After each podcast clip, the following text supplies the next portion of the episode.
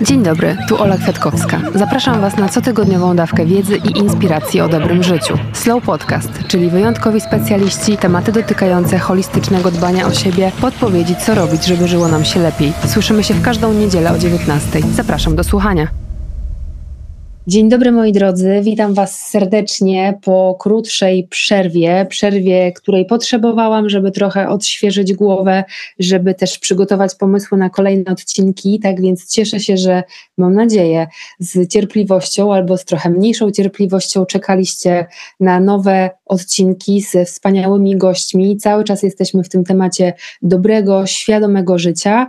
To oznacza, że pojawiają się cały czas fantastyczne osoby, eksperci, którzy którzy poruszają te tematy, które pozwalają nam troszeczkę szerzej spojrzeć na to, w jaki sposób możemy dbać o siebie, o codzienne sytuacje, tak żeby to życie było przyjemne, dobre i wartościowe. E, I dzisiejszą moją gościnią jest Gosia Sacała, nauczycielka trenerka, coach śpiewu, która jak sama o sobie mówi, fascynuje ją instrument, jaki jest, jakim jest głos ludzki. Cześć Gosiu, witam cię serdecznie. Cieszę Cześć, się, Olu. że słyszymy. E, słyszymy się dzisiaj online, e, bo takie miałyśmy tutaj możliwości techniczne, ale mam nadzieję, że to nie wpłynie na jakość naszej rozmowy. Myślę, że absolutnie nie. Mm, I jak może się już sami trochę domyślacie, w związku z tym, że Gosia na co dzień zajmuje się właśnie głosem, śpiewem, dzisiaj trochę o tym głosie porozmawiamy. Chciałabym, żebyśmy się skupiły na, takiej, na takim aspekcie, jak my możemy uwolnić emocje poprzez, nas, poprzez, poprzez nasz głos. I myślę, Gosia, że wyszłabym sobie od czegoś takiego. W ogóle myślałam sobie, od czego tu zacząć i jak ten temat poruszyć, i mam wrażenie, że Mm, silny głos może nam wiele ułatwić w takim życiu codziennym, bo myśląc sobie o tym, przychodzi mi taka refleksja, że ten silny głos oznacza, że lepiej nas słychać, stajemy się dzięki temu bardziej widoczni. Może też to wpływać na to, że bardziej się wyróżniamy w tłumie. Dla mnie mhm. silny głos jest też trochę takim synonimem mm, pewności siebie. Nie? Ułatwia to komunikację, może też jest przyjemniejsze w odbiorze tak. niż głos, który ledwo słychać. I moje pierwsze pytanie, takie otwierające naszą dzisiejszą rozmowę, jest skąd się bierze siła w naszym głosie? Czy mm, jakby pierwsze pytanie, oczywiście zadam od razu drugie, przepraszam, ale jedno się drugim. Czy tutaj decydują o tym tylko czynniki fizyczne, anatomiczne, umiejętności techniczne, czy głośny głos to silny głos?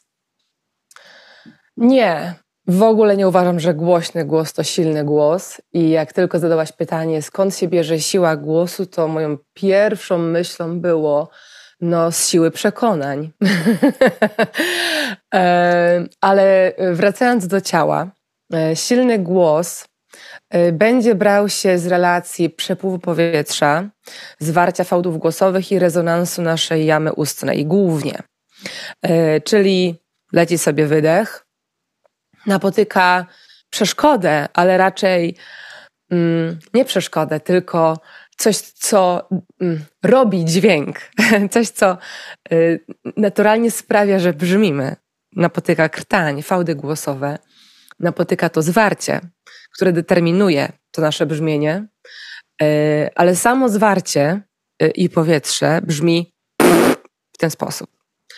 Jeszcze nie ma przestrzeni w nim. Nie ma w ogóle w nim żadnego e, echa. I po to jest rezonans, po to jest nasza buzia.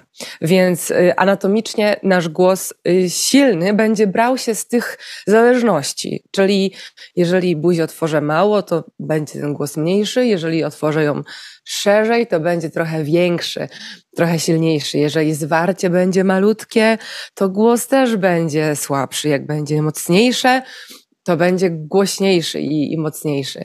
Jeżeli przepływ powietrza będzie słaby, to głos będzie słaby. Jeżeli przepływ powietrza jest troszkę mocniejszy, głos też jest mocniejszy. Więc te zależności tutaj tworzą nam jakby takie podstawy, fundament fizjologiczny, ale potem jest ta druga część. E, jeżeli ta pierwsza działa dobrze, ale nie mamy nic do przekazania i nic do zakomunikowania, to nie mamy tego imperatywu, żeby coś powiedzieć, żeby zabrzmieć, bo po co? E, po co mamy się komunikować, jak nie mamy nic do powiedzenia? Więc dopiero kiedy jest w nas jakieś no, że musisz coś powiedzieć, albo jakieś przekonanie, albo pytanie, które chcesz zadać, albo jakieś takie yy, coś, co ma zainicjować grupę do działania. Myślę teraz o różnych sytuacjach, w których aż chce nam się wypowiedzieć, typu ktoś tam mówi, a ja uważam, że ten, a ty mówisz, a ja nie. I coś nagle w tobie się rodzi, że ten głos zyskuje tą siłę, no bo rodzi się w tobie potrzeba do komunikacji i potrzeba do wypowiedzenia swoich słów. Więc jakieś silne przekonanie w tobie powstaje, które chcesz wyrazić. Więc te dwa czynniki, fizjologiczny, o którym powiedziałam dosyć wnikliwie, oraz ten taki um, gdzieś mentalno-emocjonalny, e, że chcemy coś wyrazić. Właśnie, bo to, o czym ty powiedziałaś, to ja się absolutnie z tym zgadzam, bo myśląc też o innych, powiedzmy, trochę bardziej nieoczywistych źródłach naszego głosu, to ja sobie nawet wypisałam takie hasła jak osobowość, temperament, tak. docenienie swojego głosu, to o czym ty przed chwilą powiedziałaś, czyli chęć mówienia w połączeniu mhm. z jakąś pasją, z emocjami.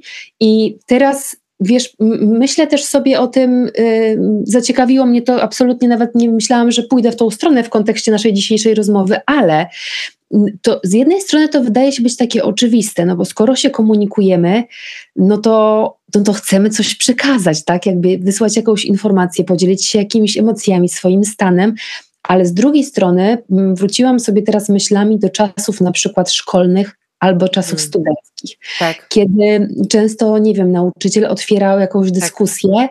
i ja pamiętam takie momenty mm, z czasów dorastania, że w ten moment, w którym ta dyskusja była otwierana, wszyscy chowali głowę, żeby tak. tylko nie zostali wywołani do odpowiedzi. Oczywiście, wiesz, no to było też powiązane z tym, że trzeba było mieć jakąś wiedzę, była ta obawa, że nie wiem, czegoś nie wiesz, i że to tak naprawdę mówiąc o dość oczywistej rzeczy jak komunikowanie się, mam wrażenie, że my często chowamy głowę w piasek, bo nie chcemy właśnie mówić, bo się boimy, bo się boimy swojego głosu, bo się boimy podzielić mhm. tym, co jest w środku i to może być taką dość silną blokadą do tego, żeby, żeby siebie wyrażać. E, nawet powiem więcej. Super, bardzo dobre spostrzeżenie.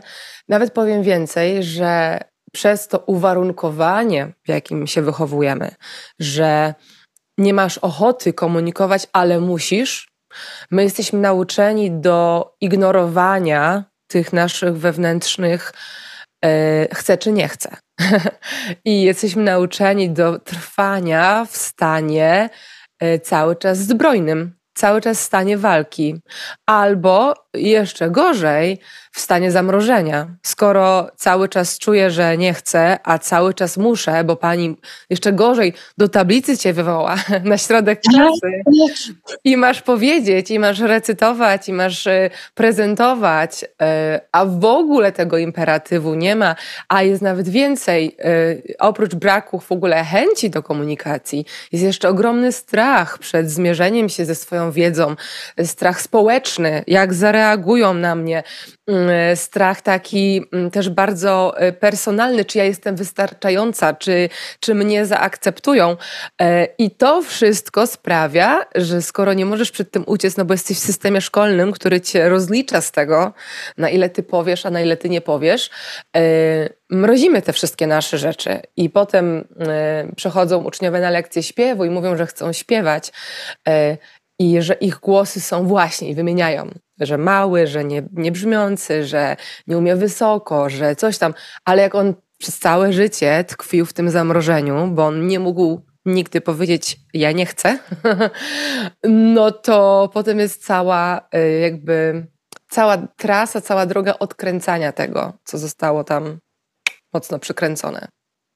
No i tymi słowami chyba myślę, że otworzyłaś kolejną, y, kolejny portal naszej rozmowy, trochę mówiąc właśnie o tych blokadach, które się w nas pojawiają.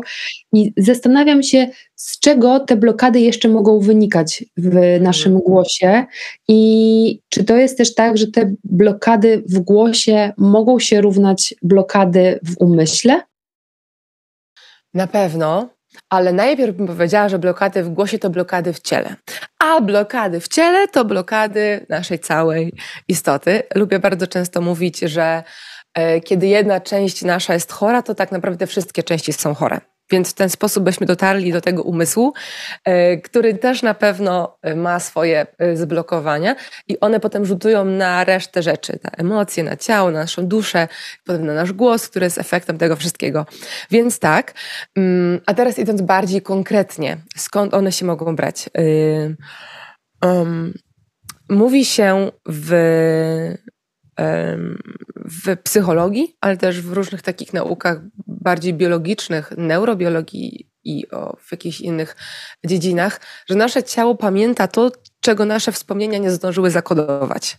Że, y, że jeżeli pamiętasz coś w głowie, no to jakby masz to w mentalu swoim zakodowane, ale wszystko to, czego nie masz w głowie, nie pamiętasz, y, może dlatego, że uznałeś, że nieistotne. Może dlatego, że uznałaś, że um, nie ma znaczenia, albo jeszcze nie miałaś wtedy, nie miałeś wtedy jeszcze możliwości kodowania mentalnego, zostało zapisane w ciele. I nasze ciało, jakby chodzimy z naszym ciałem jako, jak, jakby z taką księgą zapisków życia e, z takim wielkim tomiszczem, e, w którym można przewertować wszystko, co się wydarzyło i odnaleźć e, tą historię i te źródła. Więc y, powiedziałabym, że pierwszym źródłem blokad głosowych będą blokady w ciele.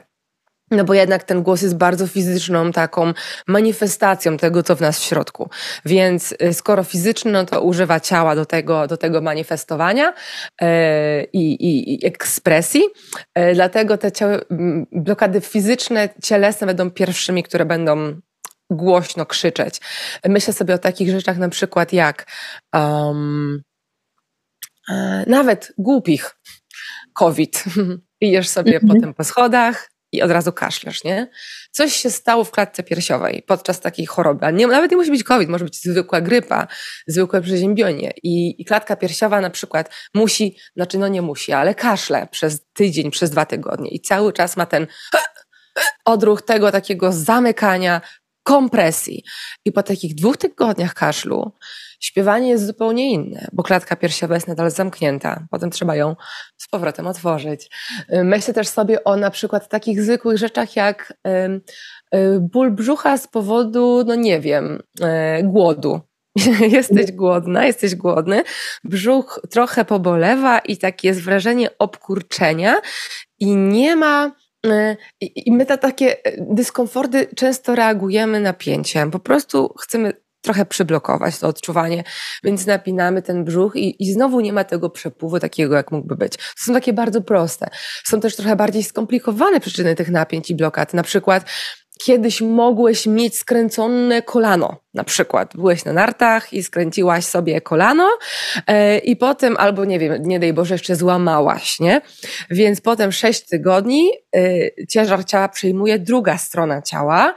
Yy, oczywiście próbujesz to w jakiś sposób balansować, bo oczy zawsze chcą widzieć prosto, nie chcą chodzić skrzywione, mózg nie lubi skrzywionego obrazu, więc mimo, że tutaj masz przekrzywione ciało, to głową prostujesz, e, bo starasz się znowu być w pionie z całym światem. Tak, dokładnie, widzieć prosto. Więc to skrzywienie, jeżeli trwa 6 tygodni, ta rekonwalescencja kolana, a czasami trwa miesiące, to to skrzywienie zapisuje się w naszej powięzi. Po prostu powięź się odplastycznia, bo po jakichś dwóch tygodniach nasza powięź stwierdzi, oj, biedne mięśnie, tak się męczą, to ja im pomogę. I powięź się odplastycznia. E, I potem e, mało kto po takim kolanie robi fizjoterapię całego ciała powięziową, jakieś masaże powięziowe. Nikt o tym nie myśli, że przecież e, to, to przeniesienie równowagi na, drugie, na drugą część ciała spowodowało potem szereg, takie wielkie domino zmian w naszym całym ciele, w powięzi, w mięśniach i to zostało zapisane do końca świata, chyba, że to nie odkręcisz tego no i potem najgorsze e, takie źródła napięć to są te napięcia takie odśrodkowe, emocjonalne, e, typu e, wychowujesz się w domu, w którym ten modelowy, dorosły homo sapiens zachowuje się w jakiś tam sposób i na przykład on, mm, ten modelowy nasz, na którym się wzorujemy, czy to jest opiekun, czy rodzic, na przykład y, on na każde odczucie frustracji reaguje sztucznym uśmiechem i w ogóle zamyka temat i kończy wychodzi z pokoju. Nie? Na przykład. Więc ty jako to dziecko masz w sobie tą złość, ale uczysz się, że hmm, ten mój wzór tak nie robi. To nie jest dozwolone. On nawet nie musi tego ci powiedzieć. Ty po prostu to wiesz, obserwując. E, to jest taki klasyczny przykład, wydaje mi się, z polskich domów, mm, że ta złość nie była często w swobodnej ekspresji. No więc dziecko dorasta, obserwując tego swojego modelowego homo sapiensa, że on nie wyraża tak w ten sposób, więc rozumuje, że o, to jest y, jakby prawidłowy y, człowiek w społeczeństwie, tak nie robi, nie można. Więc zapisuje w sobie automatyczne blokowanie odczuwania złości. Po prostu. Y, nie da się nie odczuwać, ale da się nie wyrażać. Więc wszystkie te takie E, spontaniczne ekspresje zostają zamknięte, zmrożone pod kluczem. E, no i znowu potem przychodzi, mówi, chce śpiewać, albo przychodzi uczyć się mówić, bo na przykład ma taką rolę w pracy, że e, na przykład daje prezentacje jakieś, albo jest handlowcem i musi pięknie prezentować produkt i być taki, wiecie, elokwentny, ale też głosowo władać jakby pomieszczeniem, nie pozwalać sobie y, wskakiwać na głowę, chce być, mieć jakąś taką y, osobowość y, głosową. No i przychodzi, ale od razu widać na przykład, że zaciśnięta żuchwa. No a żuchwa hmm. zaciśnięta zawsze wtedy, kiedy nie wypowiadamy tego, co chcemy wypowiedzieć, najczęściej w złości. Zaciśnięta klatka, najczęściej niewyrażony smutek, napięcie w brzuchu, w miednicy, najczęściej strach, wstyd, e, takie trudne emocje. Mm, I widać w ciele, jakie elementy zostały, właśnie ta nasza historia jest bardzo widoczna. Wiesz, ja myślę, Gosia, że to, o czym wszystkim teraz powiedziałaś, to bardzo mocno łączy mi się z takim pojęciem, jakim jest inteligencja emocjonalna, czyli to wyrażanie tak. swoich emocji. To myślę, że też jest e, absolutnie temat na cały odcinek podcastu w kontekście wyrażania tak. swoich emocji też stopowania dzieci, chociażby takie mi się przypominają komunikaty nie złość się, nie płacz, tak. nie krzycz krzycz, właśnie krzycz, wyrażaj te swoje emocje i jakby to pytanie, z czego ten krzyk wynika, czemu ty się złościsz, ale to tak jak mówię, to jest temat rzeka i myślę, że to jest na absolutnie inny odcinek, natomiast też jeszcze chciałam zahaczyć o tym, co powiedziałaś w kontekście zamknięcia um, emocji w naszym ciele. Ja też ze swojej perspektywy jako nauczycielka jogi chciałabym powiedzieć o tym, że też to widzę i widzę tak. to nie tylko jakby w um, osobach, które, z którymi się spotykam na z którymi praktykuję, ale też sama po sobie, tak. jak dużo czasu trzeba poświęcić na to, żeby otworzyć właśnie chociażby przestrzeń klatki piersiowej, czy żeby rozluźnić mm. barki i ramiona, bo one są po prostu zesztywniałe, chowamy szyję, zbliżamy barki do uszu, mhm. chowając tutaj napięcia, ile emocji jest w biodrach, jakby jest tak. mnóstwo tych miejsc, w których my to wszystko kumulujemy, no więc e, i, i absolutnie cieszę się też, że powiedziałaś o tym połączeniu, że ciało to umysł i do tego byśmy doszły, no bo ja też wychodzę z założenia, że my jesteśmy jednością. Jakby tak. nie ma tego rozłączenia, że a, jak mnie boli kolano, to znaczy, że jakby mm, mentalnie się czuję dobrze. No nie, bo jedno wpływa na drugie. Tak. Y i, I to jest jakby bardzo mocne tutaj połączenie. Więc. Y Chciałabym teraz się Ciebie podpytać o to, bo wydaje mi się, że ten temat. A wiesz co, czekaj, bo y, tutaj chcę jeszcze przerwać y, i komentarz rzucić o tym połączeniu.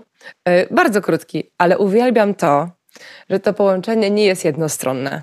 Bo kiedyś myślałam, że umysł jest tym, znaczy dużo osób tak żyje, w takim przeświadczeniu, że jest ten dyrektor, który zleca i jest to ciało, które wykonuje. I jest tylko droga od góry do dołu.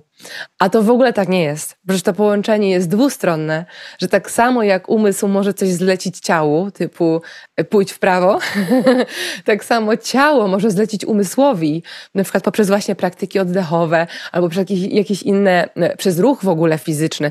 Cokolwiek, ciało sygnalizuje umysłowi, hej, jesteśmy ok, jesteśmy bezpieczni, albo właśnie nie jesteśmy bezpieczni. I, I jakby rzeczy, które robisz w ciele też wpływają na umysł i ta komunikacja jest dwukierunkowa. Uwielbiam uwielbiam to.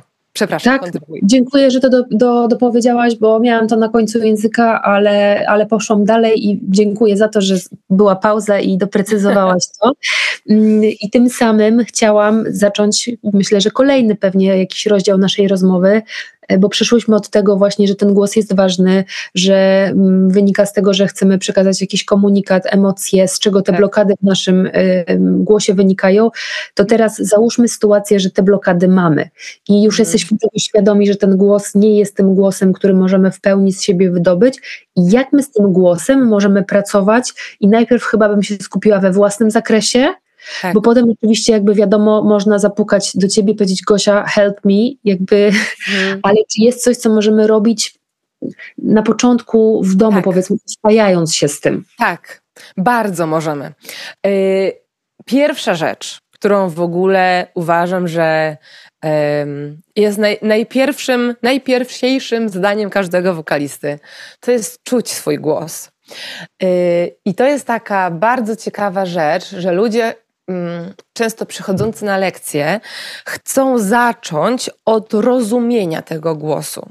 Chcą zacząć od tego, żebym coś wytłumaczyła, albo z pytaniem przychodzą od razu. Y, a ja bym o wiele bardziej wolała, żeby ludzie przychodzili z, y, z komentarzem odnośnie odczuwania. Na przykład, bo kiedy śpiewam, to czuję tak. ja bym taki komentarz wolała niż Gosia, jak to jest z tą przeponą? Czy ona ma to robić, czy ma tego nie robić? definitywnie wolę, kiedy wokaliści czują. Więc tym najpierwsiejszym obowiązkiem wokalisty jest czuć. A żeby czuć, musisz znać. I musisz eksplorować. Musisz szukać. Mm, ryzykować może czasem a to wymaga największej odwagi, bo o wiele łatwiej jest znaleźć w internecie pięć ćwiczeń i codziennie robić w ogóle bez kontaktu ze sobą i bez żadnego takiego, e, bez żadnej refleksji i introspekcji, jak to mi robi, e, niż bez żadnego planu mentalnego usiąść w spokoju, zamknąć oczy, pomruczeć, poburczeć, pochrząkać, ponucić, pokrzyczeć, po, e, zawołać, odgłosy porobić, udawać zwierzęta i obserwować, jak mi z tym, co mi to robi, jak ten głos odczuwam, gdzie on przebywa, czy to wygodne, czy to niewygodne, czy to boli, czy to naturalne, czy to wyzwanie dla mnie. I to jest ta najpierwsiejsza rzecz, którą każdy może zrobić w domu. E, I kiedy już się tak zapoznasz, to potem możesz przyjść po pomoc do kogoś. Ale uważam, że każdy musi najpierw umieć czuć siebie. I zresztą mm. ja jako nauczyciel na lekcji to robię, że po prostu e, jak ktoś przychodzi taki totalnie nieczujący, głowa gdzieś tam w chmurach, ciało na ziemi, zero kontaktu, no to pierwsze dwa miesiące to jest przywracanie kontaktu po pierwsze. W ogóle jakby inaczej bez tego się nie da, czyli uwrażliwianie człowieka na jego te różne elementy w głosie, na, najpierw na większe elementy, jak ogólnie całe ciało, jak oddech, jak e, właśnie napięcia takie mm, powierzchniowe ciała, a potem uwrażliwianie na takie mniejsze struktury, na język, na podniebienie miękkie, na zwarcie fałdów, te wszystkie jakby takie technikalia, ale w sumie nie technikalia, tylko właśnie drobne struktury, które trzeba nauczyć się czuć. Jejku, tak. pięknie powiedziane. W ogóle bardzo rezonuje ze mną to, w jaki sposób o tym opowiadasz. E, taki też myślę, że dostępny dla wszystkich. Mam nadzieję, że dla tych, którzy nas słuchają również. E, I też chciałam zrobić pauzę, bo absolutnie się zgadzam z tym, co powiedziałaś, takie uwrażliwienie na samego, samą siebie. Tak mam wrażenie, że też my przez to, zresztą ta, to, to, co teraz powiem, przewija się w wielu różnych odcinkach z innymi gośćmi, bo mam wrażenie, że to mm. też się tyczy innych tematów, że my trochę tracimy kontakt ze samym sobą. Bardzo. I poniekąd sobie zrobiliśmy to sami, żyjąc w dość szybkim świecie, rozpędzonym, do którego nie jesteśmy przystosowani. Ciężko zrobić tak. krok do tyłu, y, próbujemy się odnaleźć w tym wariancie, w którym teraz jesteśmy.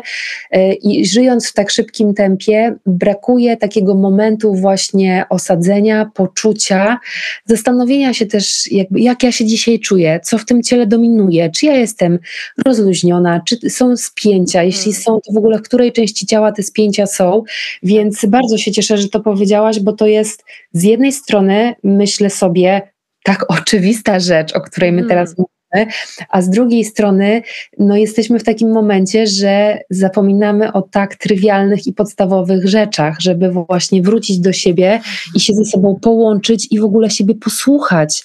Ja się zastanawiam, Gosia, czy na przykład też mm, to, co powiedziałaś, właśnie jakieś mruczenie, burczenie, słuchanie swojego głosu, mhm. a na przykład takie proste zabiegi jak, nie wiem, uruchamiam, uruchamiam, dziwne słowo, włączam swoją ulubioną piosenkę i po prostu sobie śpiewam w domu.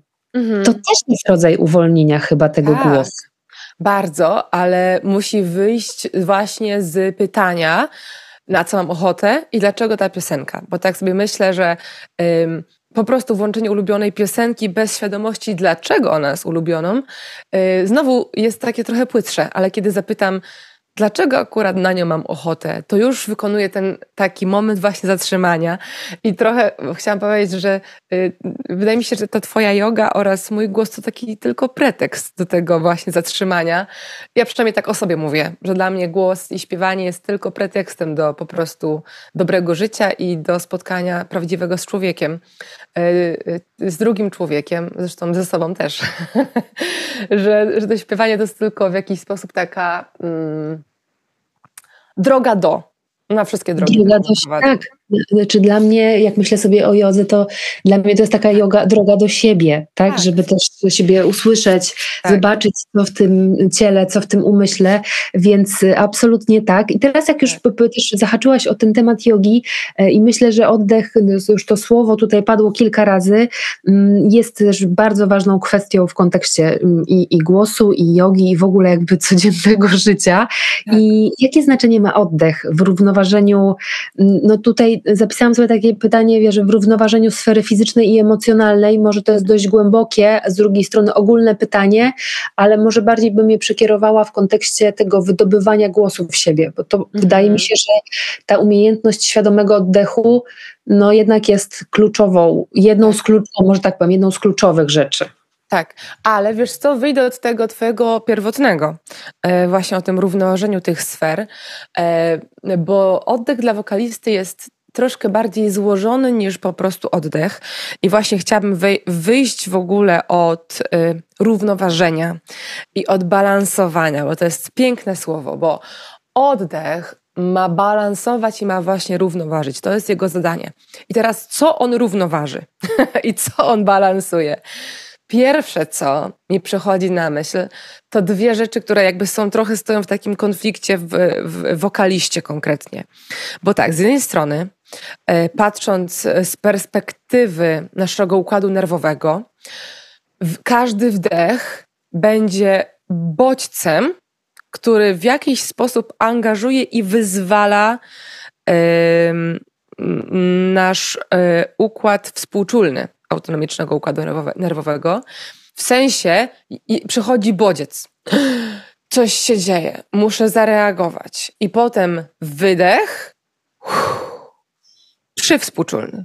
Wszystko w porządku. Ulga. Nic się nie stało. Współczulny wdech. Przywspółczulny wydech. I to jest pierwszy balans w naszym ciele, w układzie nerwowym. Bardzo ważny balans. Jeżeli my nie jesteśmy świadomi, że każdy wydech to jest nasza ulga, to jest powrót do wszystko w porządku. Po prostu. Jeżeli trwamy, o matko, o matko, o matko, tylko się hapiemy tego wdechu, jesteśmy cały czas w tym współczulnym, cały czas się boimy, cały czas się stresujemy. Bardzo niezdrowo. Więc po pierwsze musimy być świadomi tego równoważenia i tej, tej sztuki balansu pomiędzy wdechem a wydechem, tak ogólnie jako ludzie.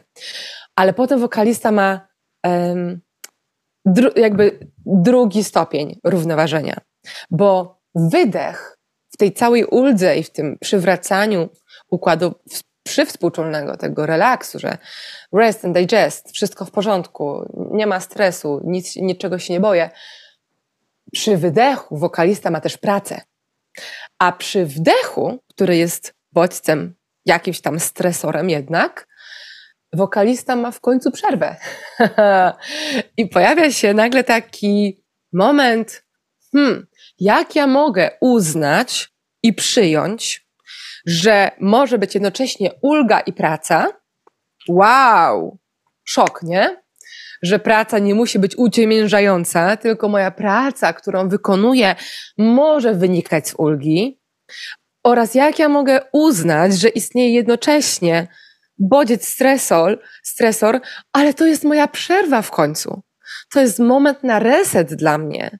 To jest moment na chwilę przerwy od pracy. I tutaj wokalista ma taką równoważnię, skomplikowaną dosyć. A teraz przechodzimy do takich bardziej praktycznych, bo to było takie filozoficzne i głębokie i... Preludium do... Tak. Tak, e, ale myślę, że trzeba to zrozumieć, żeby potem dopiero zacząć myśleć o tym, że wdech napełnia ciało, poszerzając je, jakby rozprężając od środka, jakby szukając miejsca i się moszcząc w naszym ciele. I teraz wydech, i to jest klucz, bo to mówi o tej uldze, która, i o tej pracy w uldze, która nie jest uciemiężająca, bo wydech to jest po prostu powrót na miejsce. Wszystko to zostało przesunięte w ciele, wszystko, co zostało naprężone, rozciągnięte, gdzie ten oddech wchodził i szukał miejsca. Kiedy pomyślimy, że wydech to jest po prostu powrót wszystkiego na miejsce, okazuje się, że produkcja głosu jest bardzo naturalna. Że tam nie ma żadnego wysiłku, że to nie jest taka praca, praca, którą my znamy z naszego tego świata zewnętrznego, tylko to jest praca na zasadzie przestaje po, przytrzymywać, przestaje napinać, chociaż y, potem się jeszcze w, y, w kolejny tutaj taki mały łobuz wkrada, a łobuzem jest apogio i jakby cały proces właśnie podtrzymywania dźwięku i bycia w akcji do samego końca wydechu, żeby nie odpuścić, żeby to nie była tylko ulga, bo ulga może być taka, a ulga może być energetyzująca. A! I tutaj niby miałam ulgę, ale jednak mnie to do, doładowało. I to jest troszkę inaczej. Więc ym, dużo tego balansu. W śpiewaniu jest ogromna ilość równoważni, y, jednocześnie do balansowania, ale właśnie to czyni chyba śpiewanie taką. Y, i chyba w jodze mogę powiedzieć, że tak samo jest, że nie chodzi tylko o to, żeby y, wejść, chociaż są takie rodzaje jogi, prawda, że wchodzisz w pozycję i potem rozluźniasz mięśnie i tylko jakby pracujesz na powięziach czy tam na jakimś rozciągnięciu, ale że większość jednak to jest, że wchodzę i trwam trwam w tej równowadze, nie mogę odpuścić, nie mogę y, założyć, a dobra, to tylko chodzi o to i już reszta, pff, bo ludzie tak chcieliby w śpiewaniu mieć prosto, że daj mi Gosia pięć zasad i będę się ich trzymał i będzie wszystko dobrze. A to w ogóle nie o to chodzi. Chodzi o to, że właśnie nie ma zasad, że, że właśnie masz trwać w tym, masz szukać tego balansu, być aktywnym uczestnikiem. Nie możesz przestać czuć. Nie możesz się wyłączyć w trakcie. Musisz cały czas być włączony, czujący, reagujący, doświadczający i równoważący balansujący. Y, skomplikowana odpowiedź na takie jedno proste pytanie, ale... tak, ale myślę, że tutaj nie ma prostych odpowiedzi, więc ja cieszę się, że to rozbudowałaś na czynniki pierwsze. Y, to dla mnie jest o balansie, tak jak powiedziałaś, ale też jest dla mnie o świadomości i uważności. Tak, bo bardzo. Mm, też jak y, tak, absolutnie jest też rodzaj jogi, w której pracujemy na powięzi, jest bardziej o rozluźnieniu, rozmiękczeniu i zostaniu dłużej w pozycji. Natomiast ja też um, uczę akurat stylu jogi, który jest e, stylem, który bardzo mocno mówi o połączeniu ruchu z oddechem. Tak, I dużo osób też na początku e, po prostu się gubi, bo nie wie kiedy wdech, kiedy wydech zaczyna się zapowietrzać, to powietrze zatrzymuje. I ja tak. też jakby staram się wtedy tłumaczyć i kierować w ten sposób, że poczuj. Jakby ja tak. podpowiadam, w którym momencie bierzemy wdech i wydech. Natomiast jeżeli ty czujesz, że musisz wziąć jeszcze jeden wdech, bo po prostu tam się tak. wszystko dusi, ty jesteś zamknięty, ta żuchwa jest napięta, to weź ten dodatkowy wdech tak. i weź ten wydech, bo może to jest ten twój rytm na dziś. Jakby posłuchaj tak. tego oddechu, jaki on dzisiaj w ogóle jest. Ja też często zaczynam zajęcia od takiego wprowadzenia Słuchaj, self-check, jak ty się masz w ciele, ale jak tak. też się ma dzisiaj oddech. Czy on jest spokojny i świadomy, może jest przyspieszony i spłycony, mm. to też jest ok, bo mamy różne dni, mamy różne, stajemy z jakimś bagażem po całej nocy, czy to właśnie wyspania, czy nie wyspania, trudny dzień, łatwiejszy dzień. To wszystko myślę, że na pewno w jakimś stopniu mniejszym lub większym wpływa na nasze samopoczucie. I, i dla mnie to jest o takim właśnie świadomym, kiedyś nagrywam w ogóle nawet cały podcast o oddechu i wychodziłyśmy od, od takiej świadomości, że my często oddychamy nie myśląc, tak. nie myśląc, co mi ten wdech i wydech daje. Dla mnie ten wdech jest takim, ty mówiłaś z perspektywy y, wokalistów, ja teraz sobie myślę w kontekście jakby osób, które stają na macie, że wdech to jest ten moment, który ci tak rozszerza wszystko, dodaje ci energii, wypełnia całe twoje ciało, nie tylko płuca, ale dociera gdzieś tam do mniejszych zakątków typu palce dłoni, palce stóp, poczuj to tak. i z wydechem luz, jakby puść to, puść brzuch tak. i daj sobie moment na to, żeby ten układ nerwowy właśnie się mm, uspokoił, bo wydech o tym jest, tak. także ten wydech trochę uspokaja. Yy, w ogóle świetnie nam ta rozmowa płynie, bardzo dobre flow i fajnie się uzupełniamy w kontekście właśnie i ruchu i tego, czym ty tak. się zajmujesz na co dzień i tak sobie myślę, że. Mm, a zadam to pytanie jednak. Myślę, Zadaj. że na początku już trochę od, od, tego się odbiłaś, ale może dla niektórych to może być ciekawe. Czy w takim razie silny głos to jest głośny głos, czy ten. Tak. Mm, bo myślę, że to, to, to może być zastanawiające dla niektórych. Czy jak mam ten głos troszeczkę bardziej wyciszony, to czy oznacza, że on wciąż jest silnym głosem? No, mm, mi się y, od razu powiedziałam, że nie na początku, i teraz chciałabym y, opowiedzieć więcej. No bo kiedy pytasz o to, czy głośny głos to jest silny głos, myślę sobie o tym, y, skąd ta głośność pochodzi. Często jest tak, nawet powiedziałabym, że bardzo często jest tak, że głośność w naszym głosie jest wynikiem i taką próbą odwzorowania tego, co słyszymy na zewnątrz w różnych wokalistach i taką próbą powtórzenia jakiegoś wzorca, który gdzieś obserwujemy, e, ale jest próbą autoagresywną bardzo. E, I e, bardzo dużo takich wokalistów istnieje, którzy przychodzą raniąc swoje własne ciało, próbując być głośni jak ich idole, których oni słuchają. E, taki głos nie uważam za silny. Tak, takiego człowieka nie uważam za silnego za bardzo. I nie mówię to tak, wiesz, umniejszając i jakoś negatywnie o, o, człowieku, że on, jest, że on jest słaby, tylko, tylko po prostu stwierdzając fakt, że osoba, która jest silna, nie będzie patrzeć na zewnątrz i szukać, o, jak on brzmi, ja będę tak samo.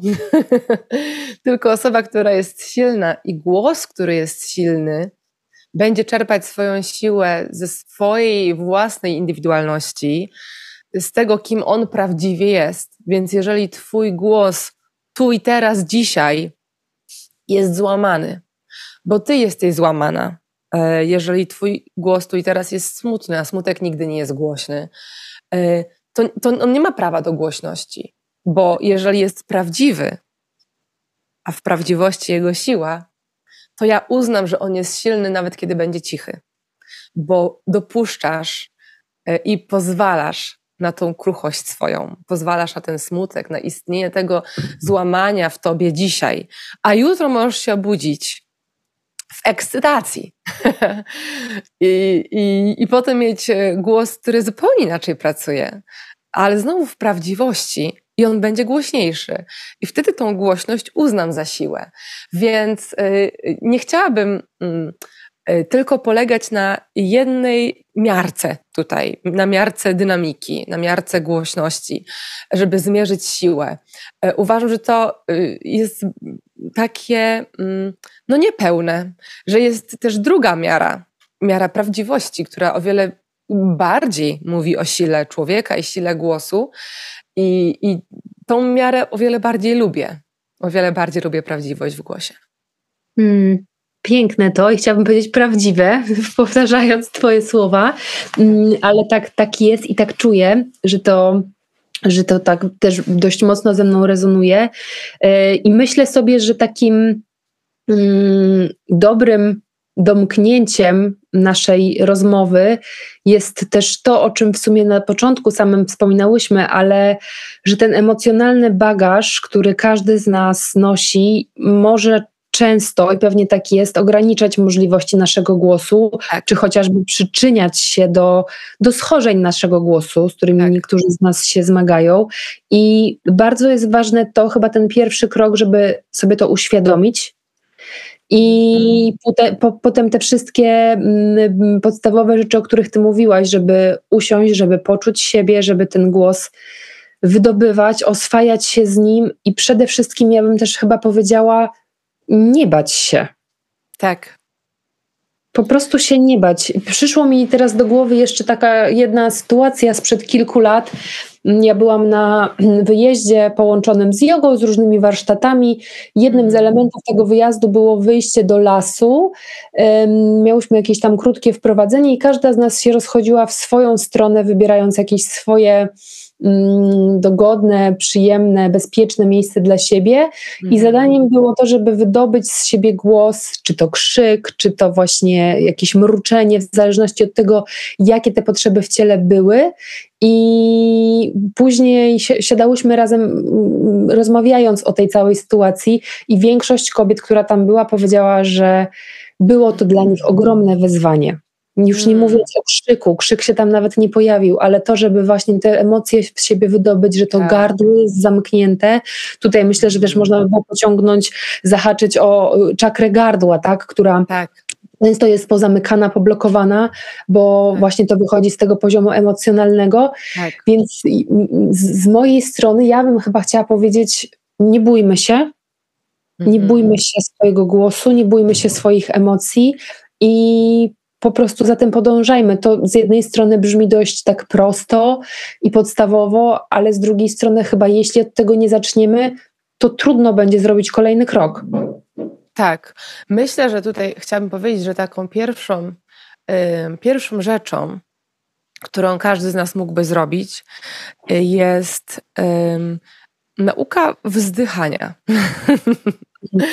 Bo to odczucie ulgi, ono nam się kojarzy dobrze ono nam się nie kojarzy z czymś negatywnym, co jest trudne, e, ale warto robić to w zaciszu domu na początku. A mi się ostatnio zdarzyło i mogę powiedzieć, że właśnie miałam taką sytuację, że byłam e, w miejscu publicznym e, przez trzy dni na, warsztatach i potem pod koniec dziewczyna mówi Gosia, tak mnie wzięła w ogóle na bok i mówi ja uwielbiam, jak ty wzdychasz ja się czuję tak dobrze, kiedy ty to robisz, taką ulgę we mnie zaszczepiasz. I ja tak, hmm, o co chodzi? I potem myślę, a, bo ja cały czas wzdycham głośno, okej, okay, wszystko jasne. Bo właśnie y, nauczyłam się tego takiego pierwszego wyrazu, że to, że to powinno być takie naturalne dla nas, że my, chociaż to, że w jaki to nie musi być turbo głośno, nie? chociaż zdarzały mi się głośne na tych warsztatach, e, chyba, tak sobie myślę, mm, ale że taką pierwszą rzeczą to jest nauka wzdychania. Spróbuj sobie westchnąć teraz, tylko najważniejsze, spróbuj odnaleźć najpierw sobie prawdziwą ulgę. Znajdź jakiś powód do ulgi, znajdź jakieś takie w sobie um, jakieś takie miejsce, które chciałoby odetchnąć. Nawet może to nie być całe ciało, może to tylko twoja stopa chce odetchnąć, może tylko twoja dłoń, może tylko twoje usta by chciały, żuchwa. Ale znajdź sobie jakiś element, który chciałby westchnąć. Oh. I sobie po prostu westchnij głośno, tak e, z głosem w sensie. To jest taka pierwsza rzecz, e, którą uważam, że każdy mógłby zrobić. E, ale prawda jest taka, i powiedziałaś o tym wcześniej też, że teraz w tym podsumowaniu, że mm, nasz bagaż emocjonalny często może ten głos ograniczyć. Także mhm. jeżeli by takie coś się wydarzyło, że odczuwasz, że na przykład przy takim westchnieniu na przykład twój głos robi koguty. Na przykład. Takie coś by mogło się wydarzyć. Przy jakichś blokadach. Może się wydać, że w ogóle ten głos nie dotrze na dół, tylko będzie albo w drugą stronę, że on będzie tylko na dole. Ale w ogóle nie będzie go w środku i, i będziesz szukać. Daj sobie czas po pierwsze. I teraz chcę przywołać y, jedno moje wspomnienie, bardzo bolesne z zeszłego roku. Wydarzyło się coś trudnego, e, co mi odebrało głos na 6 miesięcy. Nawet powiedziałabym, że 8, ale 6 było takich e, trudnych. Kiedy spojrzymy na skalę pianinka, człowiek standardowy, który jest zdrowy i ma właśnie fizjologię, tam wszystko poprawnie, fizjologicznie, mm, wszyscy potrafią osiągać, sięgać głosem do dźwięku D, S, trzykreślnego. To jest DS6 w nomenklaturze amerykańskiej, gdyby ktoś tutaj chciał klawiaturkę otworzyć i zobaczyć, jak wysoko to jest. Jest to wysoko, ale każdy człowiek zdrowy potrafi. Nie ma ograniczeń, nasze ciało jest niesamowite. Y, mój głos został ścięty dwie oktawy wcześniej, y, na okres sześciu miesięcy, po wydarzeniu emocjonalnym trudnym. To mocno świadczy o tym, jak to wszystko jest połączone, jak y, nasze ciała mogą odczuwać trudne rzeczy, które się dzieją w naszym życiu. Więc jeżeli wzdychając, do tego dążę, jeżeli wzdychając, doświadczysz różnego rodzaju blokad, mm, kraków w głosie, jakieś takie uczucie braku pełni, że to jeszcze nie jest to, to nie pospieszaj tego. Najważniejsze jest to, żeby nie robić niczego na siłę, tylko żeby ta ulga w tym westchnieniu była prawdziwa. Więc jeżeli Twoją prawdą dzisiaj jest, na przykład, albo jeżeli Twoją prawdą jest, to niech to będzie Twoją prawdą. I to będzie hmm. lepsze niż próba zrobienia czegoś na siłę. I tym pięknym takim optymistycznym w sumie domknięciem. Chciałabym ja ze swojej strony też życzyć Wam wszystkim, którzy z nami są i mam nadzieję, że wytrwali z nami do końca tej rozmowy, e, balansu, to słowo, które bardzo dzisiaj często padało, miękkości w ciele, tak. I takie bycie w swojej prawdzie i słuchania tego, co się dzisiaj u mnie dzieje, i pozwalanie sobie na ten stan rzeczy, który dzisiaj jest, bez oceniania, z pełną taką świadomością, akceptacją, zrozumieniem i czułością do samego siebie. Tak jest. Ależ pięknie to popłynęło. Gosia, bardzo Ci dziękuję. Wszystkim Wam, którzy z nami byli, zachęcam do tego, do tych małych, prostych kroków, o których Gosia opowiadała. Natomiast jeśli czujecie, że jest moment, żeby pójść o krok dalej, zostawiam też namiary na goście. Można do gości pukać, e, umawiać się na lekcje śpiewu, na coachowanie i na rozwijanie swojego potencjału, tak bym powiedziała. Tak jest. Pięknie Ci dziękuję, dziękuję e, za dzisiejszą rozmowę mm, i do usłyszenia w kolejnym odcinku.